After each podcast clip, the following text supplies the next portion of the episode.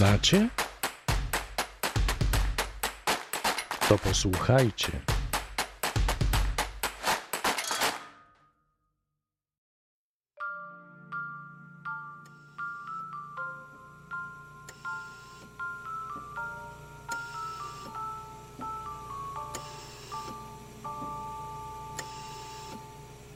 Do szpitala trafiłam jako studentka pielęgniarstwa poprzedniej fali, kiedy szpitale szukały wolontariuszy. Zresztą e, w wielu szpitalach szukają ich nadal.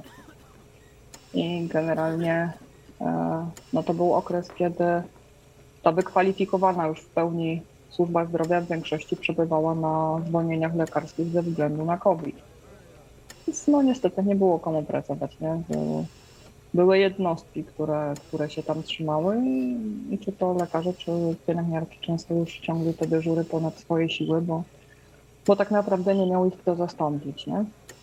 Mieli często po całym tygodniu dyżury z dnia na dzień, nie? Nie, nie było tam żadnych przerw w tygodniu, nie? Że Schodził, wyspał się w nocy i przychodził od nowa, nie? I cały czas w tych warunkach covidowych, e, w pełnym, jak to się mówi, naszym umundurowaniu, w tych kombinezonach i to wbrew pozorom jest trudne do, do przetrwania, tym bardziej, że przy tamtej fali jeszcze, mm, kiedy nie było e, szczepień, więc e, e, pacjenci ci, którzy obecnie rzadziej do nas trafiają, nie z tymi wieloma tam chorobami takimi przewlekłymi, no to wtedy dużo ich trafiało i, i to były naprawdę ciężkie stany, gdzie, gdzie ludzie się dusili.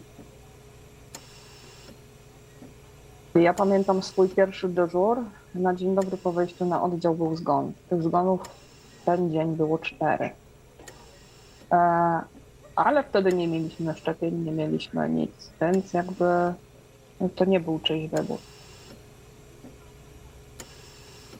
Czas pracy w przeciętnej pielęgniarki trwa 12 godzin, nie? Wolontariusz ustawia sobie czas pracy sam.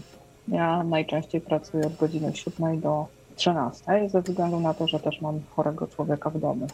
Ale były dyżury, że jechałam na 7, o 13 przyjeżdżałam nakarmić swoją mamę, wracałam do szpitala i tam siedziałam do godziny 18. No mój oddział był oddziałem wewnętrznym i przy poprzednich falach, w momencie, gdyśmy byli się zmuszeni e, przekształcić na oddział covidowy, to jakby w naszym szpitalu To jest szpital powiatowy w Małopolsce. Mm, Nie było wtedy przyjęć na oddział wewnętrzny, bo oddziału takiego nie było, nie? E, Przy tej fali jest już inaczej, bo e, jakby mm, ten blok, w którym jest oddział wewnętrzny, jest teraz covidowy, natomiast udało się utworzyć w innym miejscu oddział wewnętrzny, że pacjenci jakby e, ci z innymi chorobami też są przyjmowani. Ja zostałam na covidowym, mm, no po prostu nie chciałam zmieniać jakoś tak, no, człowiek już przywykł. No, albo w tych tak zwanych e, białych kombinezonikach, które każdy już gdzieś tam widział. Ewentualnie mamy drugi rodzaj ubrania, to jest ubranie jednorazowe, na które jest fartuch barierowy, do tego są wiadomo e, rękawiczki, maseczki, gogle, przyłbica. E, I z jednego i z drugiego rozebranie się to jest problem. W jednym i w drugim podleje się, jak to się mówi, po tyłku. E. No i były okresy, że czasami zastanawiamy się, czy nie prościej wybrać pampersa, niż się rozbierać tego wszystkiego, ale no, z biegiem czasu jakby to człowiek do wszystkiego jest w stanie przywyknąć. Tak, ja mam bardzo ciężką chorą mamę po amputacji, niewidomą z Alzheimerem, więc e, pójście tam pierwszy raz przy tamtej fali, no to też e, był taki konflikt wewnętrzny, bo też narażałam ją, nie? Siebie jak siebie, ale też ją, nie? Przyniesienie wtedy COVID-a, no to dla niej mogłoby się zakończyć zgonem. Ale do tamtych ludzi też ktoś musiał iść.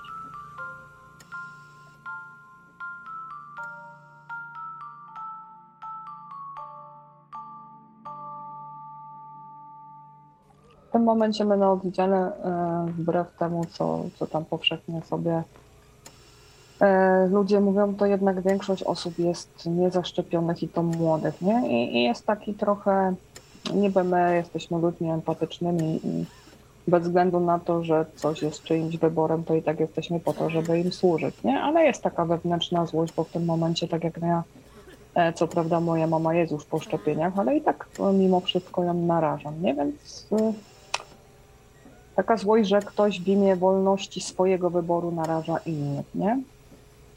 Trudniej się też patrzy, jak są osoby e, po 30-40 lat e, w ciężkich stanach i tak naprawdę nie wiadomo, czy przeżyją, nie? Trudno rozumieć coś takiego w ramach własnego wyboru i to często są ludzie, którzy na nas gdzieś tam psioczyli, nie? Na, na jakichś e, forach internetowych czy tak dalej. E, czasami na oddziale e, przychodzi opamiętanie, nie, że, że żałują, że się nie zaszczepili, bo, bo być może przeszliby to łagodniej.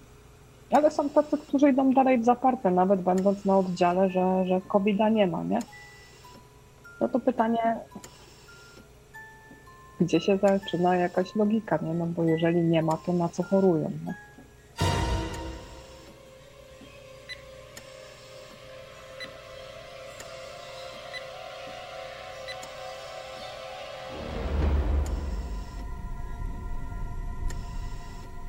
Człowiek się po prostu najzwyczajniej w świecie dusi. Czasami to są sekundy, nie? Bo, bo jeżeli płuca się zapadną e, całkowicie, może być też tak zwane puchnięcie, że e, jest krwotok przy okazji i, i koniec, nie? Mm, Przeważnie ci pacjenci, którzy umierają, to oni mają e, zajęte od 80% zlew płuc.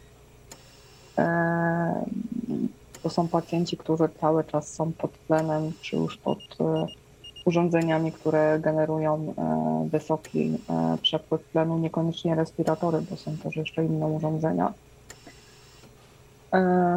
I taki człowiek silnieje, próbuje, że tak powiem, czasami nawet gdzieś tam e, siłą woli wstawać i tak dalej, bo, bo pozycja leżąca jeszcze, jak wiadomo, nawet zdrowemu człowiekowi utrudnia oddychanie. Mm, No, widać przerażenie w ich oczach. E, są też tacy, którzy umierają we śnie, bo już organizm był tak osłabiony walką z chorobą, że większość czasu przesypiają. Każda śmierć gdzieś tam, wbrew pozorom, jest y, inna, nie? E, Też zależy od, od tego, jakie my interwencje podejmujemy, bo, bo zależy od dostępności sprzętu. E, Wiadomo, był czas, że, że nie było e, wielu respiratorów, więc też było wybieranie e, tak zwany triaż, kogo, kogo podłączać, kogo nie. Mm, Kryteria w medycynie zawsze są e, takie same, nie? To tak jak mamy e, powiedzmy wypadek, w którym uczestnicz, uczestników jest wielu, to zawsze ratuje się tych, którzy najbardziej rokują, nie? Czyli bierze się pod uwagę wiek, e, ilość innych chorób. No zawsze wiadomo, ten młodszy, który będzie miał mniej chorób, ma większe szanse na, na pokonanie wyjścia, nie? wbrew temu, co się mówi, to, to nie jest tak, że od razu się y, człowieka podłącza pod respirator, mm, pod respirator, bo tam potrzeba wielu, wielu wskazań, nie? Czy, czy faktycznie nie ma innej e, metody, to już jest taki aktualnie stan, że my wiemy, że mm, to jest jedyny ratunek ten respirator, ale szanse, że człowiek z tak zajętymi płucami przeżyje, no wszystko są niewielkie.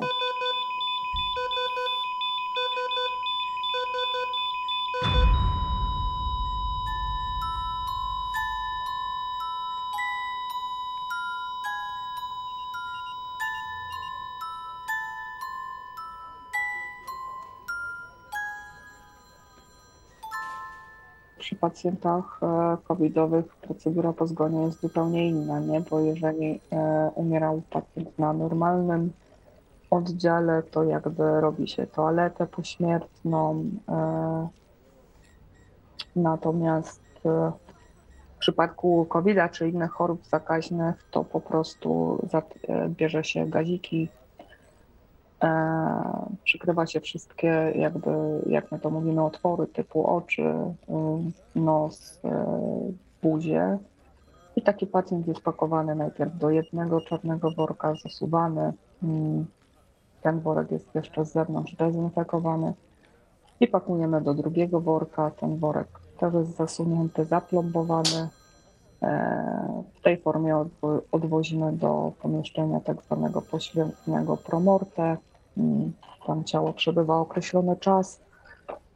E, No i w zasadzie tego worka już po nas nikt nie, nie otwiera, nie? E, Pacjenci, którzy umierają na COVID, e, oni już nie są przygotowani w zakładach pogrzebowych, tak jak normalne zmarłe. E, Nie są ubierani, po prostu totalnie nic, nie?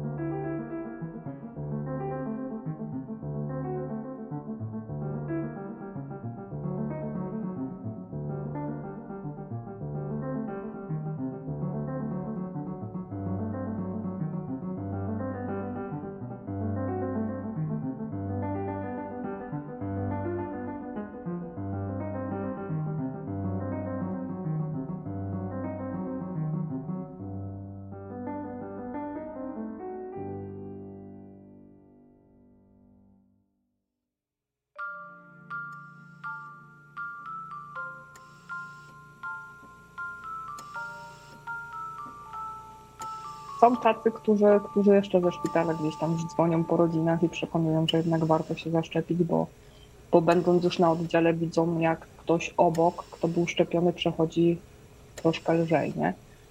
E, mnie się nie zdarzyło poza jednym wypadkiem, gdzie akurat no, pani była po przeszczepach, więc jakby z natury ma tą odporność słabszą i mimo szczepienia przechodziła to dość e, ciężko, natomiast ci wszyscy młodzi, którzy przechodzą u nas ciężko, są nieszczepieni.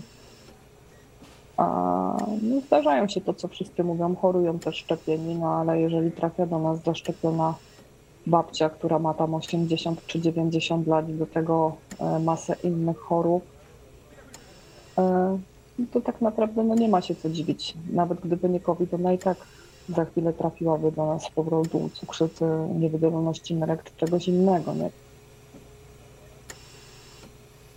Mnie w pamięci została za długo dziewczyna e, z poprzedniej fali. Ona, ona na szczęście przeżyła, ale to była dziewczyna w moim wieku. E, Z jednego roku jesteśmy, miała, ma 35 lat. Ma też chorobę współistniejącą, więc jakby to e, zaoknienie u niej e, choroby było dość duże. Ona przyjechała do nas w stanie e, no takim dość ciężkim, mm, nieprzytomna, bez kontaktu.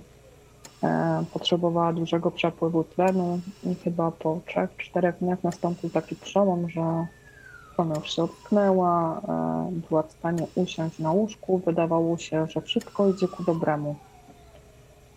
E, Tak jakby kolejnego dnia rano miała robione kon, e, kolejne TK klatki piersiowej, które jest takim badaniem standardowym przy, e, przy COVID-zie. E, W międzyczasie, zanim dostaliśmy wynik badania, ona nam się zatrzymała, doszło do zatrzymania krążenia i tak dalej, intubacja.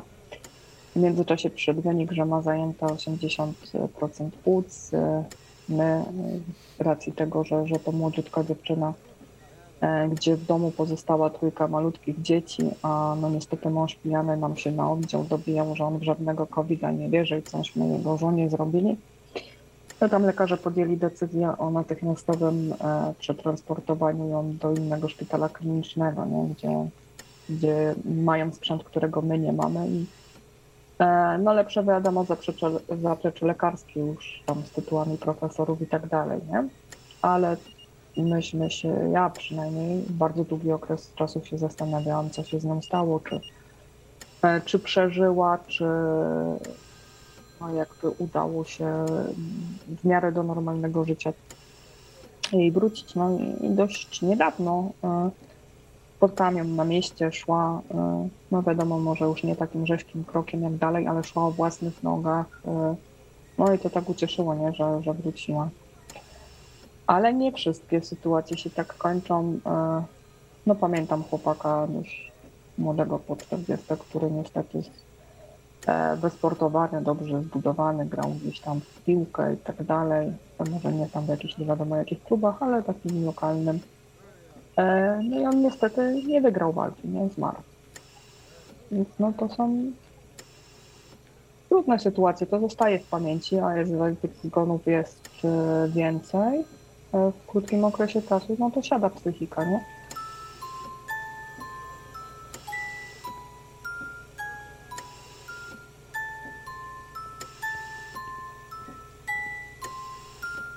Ale zdarzają się też tacy, którzy gdzieś tam jak mieli świadomość, mamy teraz taką mm, starszą panią tam po 80, która też się nie zaszczepiła, bo, bo wnuczka e, odradziła całej rodzinie szczepienia, bo, bo, bo właśnie te chipy i tak dalej.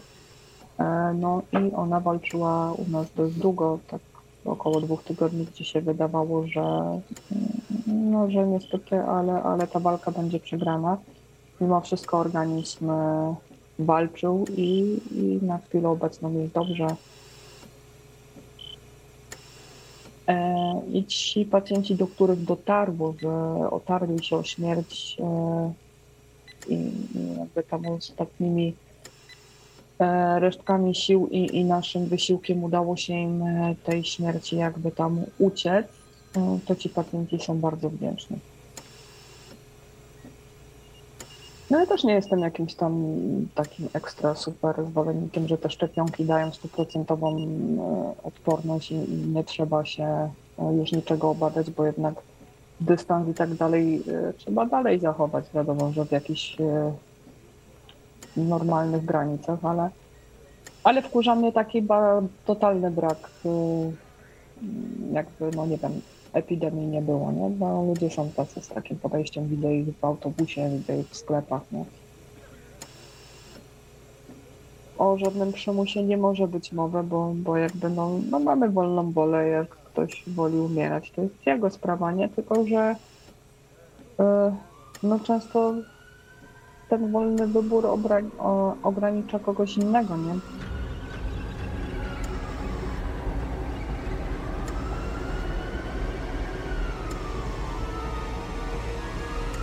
Nie, no płakać nie, płakać może nie, natomiast no, człowiek y, po przyjściu do domu to stara, sobie, stara się po prostu zająć, znaleźć sobie jakieś inne zajęcia. No dopóki mnie akurat sprzyjała pogoda, e, to jeździłam rowerem dużo.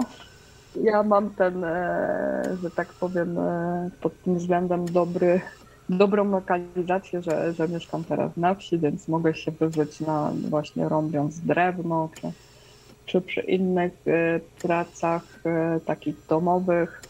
Gdzieś tam staram się usiąść, jakiś film obejrzeć, e, no cokolwiek posłuchać jakiegoś tam audiobooka, żeby wyłączyć to myślenie, bo no bo gdyby siedzieć cały dzień po przyjściu z pracy jeszcze w tym, co się dzieje na oddziale, no to byłoby kiepsko, chociaż nie mówię, że zawsze się tak udaje, nie? bo czasami jest jakiś tam pacjent, który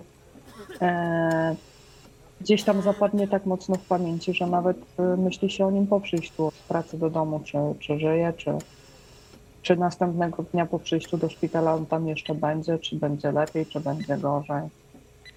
No Są pacjenci, którzy leżą u nas po kilka tygodni, no więc e, trudno by się było jakby tam nie przywiązać. Nie? Też tak wkurza taki czasami brak brak szacunku, jakaś taka.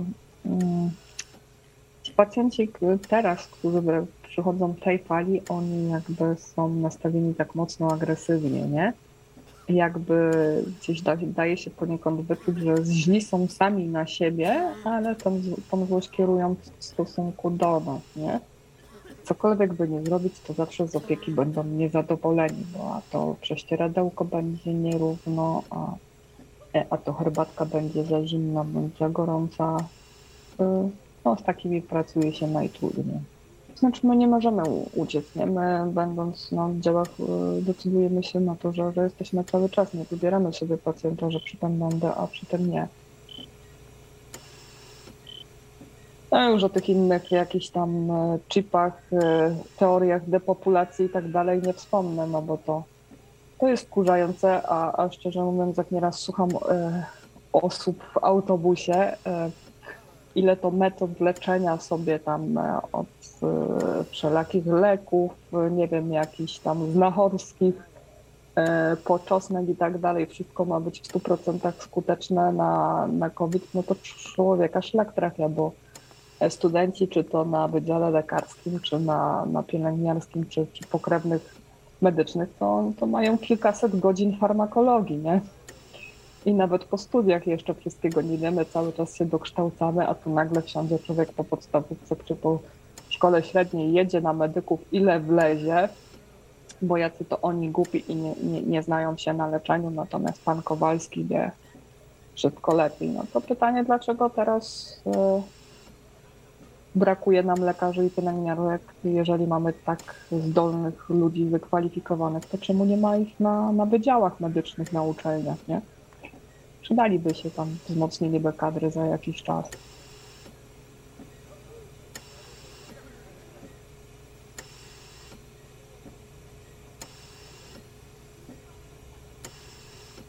Znaczy, no ja nie, nie żałuję swojego wyboru i jakby nadal uważam, że warto. Mm, aczkolwiek no, nasuwają się pewne e, sugestie, że być może pewne jakby e, elementów służby zdrowia powinny ulec zmianie i pracowałoby się wszystkim e, no jakby lepiej, nie? bo mm, ja odnoszę takie wrażenie, że pacjenci często mają takie podejście, mm, że dobra, to, to niech oni sobie gadają, ja i tak zrobię po swojemu, ale jak przyjdzie to do czego, to mają mnie wyleczyć, nie? E, że brak jest takiego szacunku, który no, potem doprowadza do sytuacji takich, jak, jak są, nie? Że, że ta mądrość źle się kończy, a odbija się to, to na nas, nie? że no jakby form, powinny być jakieś, nie wiem, może bardziej programy edukacyjne dla tych ludzi i tak dalej, nie? I też e, mm, no powinien się troszeczkę zmienić stosunek ludzi do tej służby zdrowia, bo jeżeli no wylewa się tam fala hejtu i tak dalej i ty nie chcesz, nie, nie, nie bierzesz tego, co, co ci oferuje służba zdrowia, do czego cię nakłaniają, no to to po co potem przychodzisz, nie? To budzi taki nerw, nie? Aczkolwiek my i tak do każdego pacjenta podchodzimy tak samo, nie? Czy, czy on stosował się do zaleceń gdzieś tam organów wyższych naszych na służby zdrowia, czy nie. Każdego traktujemy jednakowo.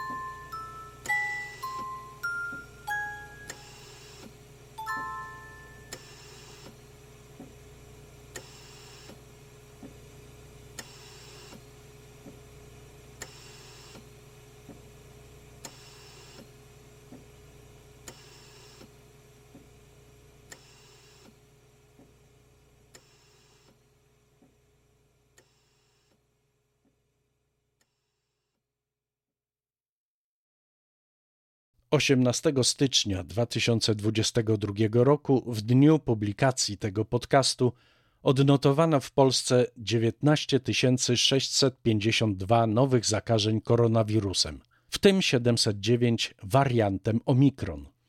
Zmarło 377 osób, a od początku pandemii 102 686 osób.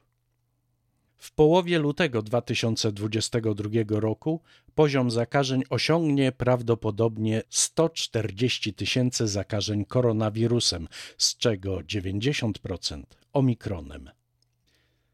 W piątek 14 stycznia 13 spośród 17 członków Rady Medycznej przy premierze podało się do dymisji. Nie chcą być dalej listkiem figowym dla rządu. 18 stycznia 2022 roku odbyło się także drugie posiedzenie Nadzwyczajnej Komisji Senackiej w sprawie inwigilacji systemem Pegasus. Na pytania senatorów odpowiadali były prezes Najwyższej Izby Kontroli Krzysztof Kwiatkowski, komendant główny Policji w latach 2005-2007 Marek Minkowski i obecny szef NIK Marian Banaś. Ten ostatni potwierdził, że zakup Pegasusa z pieniędzy Funduszu Sprawiedliwości był nielegalny. A rząd dwoi się i troi, aby przekonać obywateli o sukcesie reformy podatkowej, nazywanej Nowym Ładem. Reszta jest milczeniem.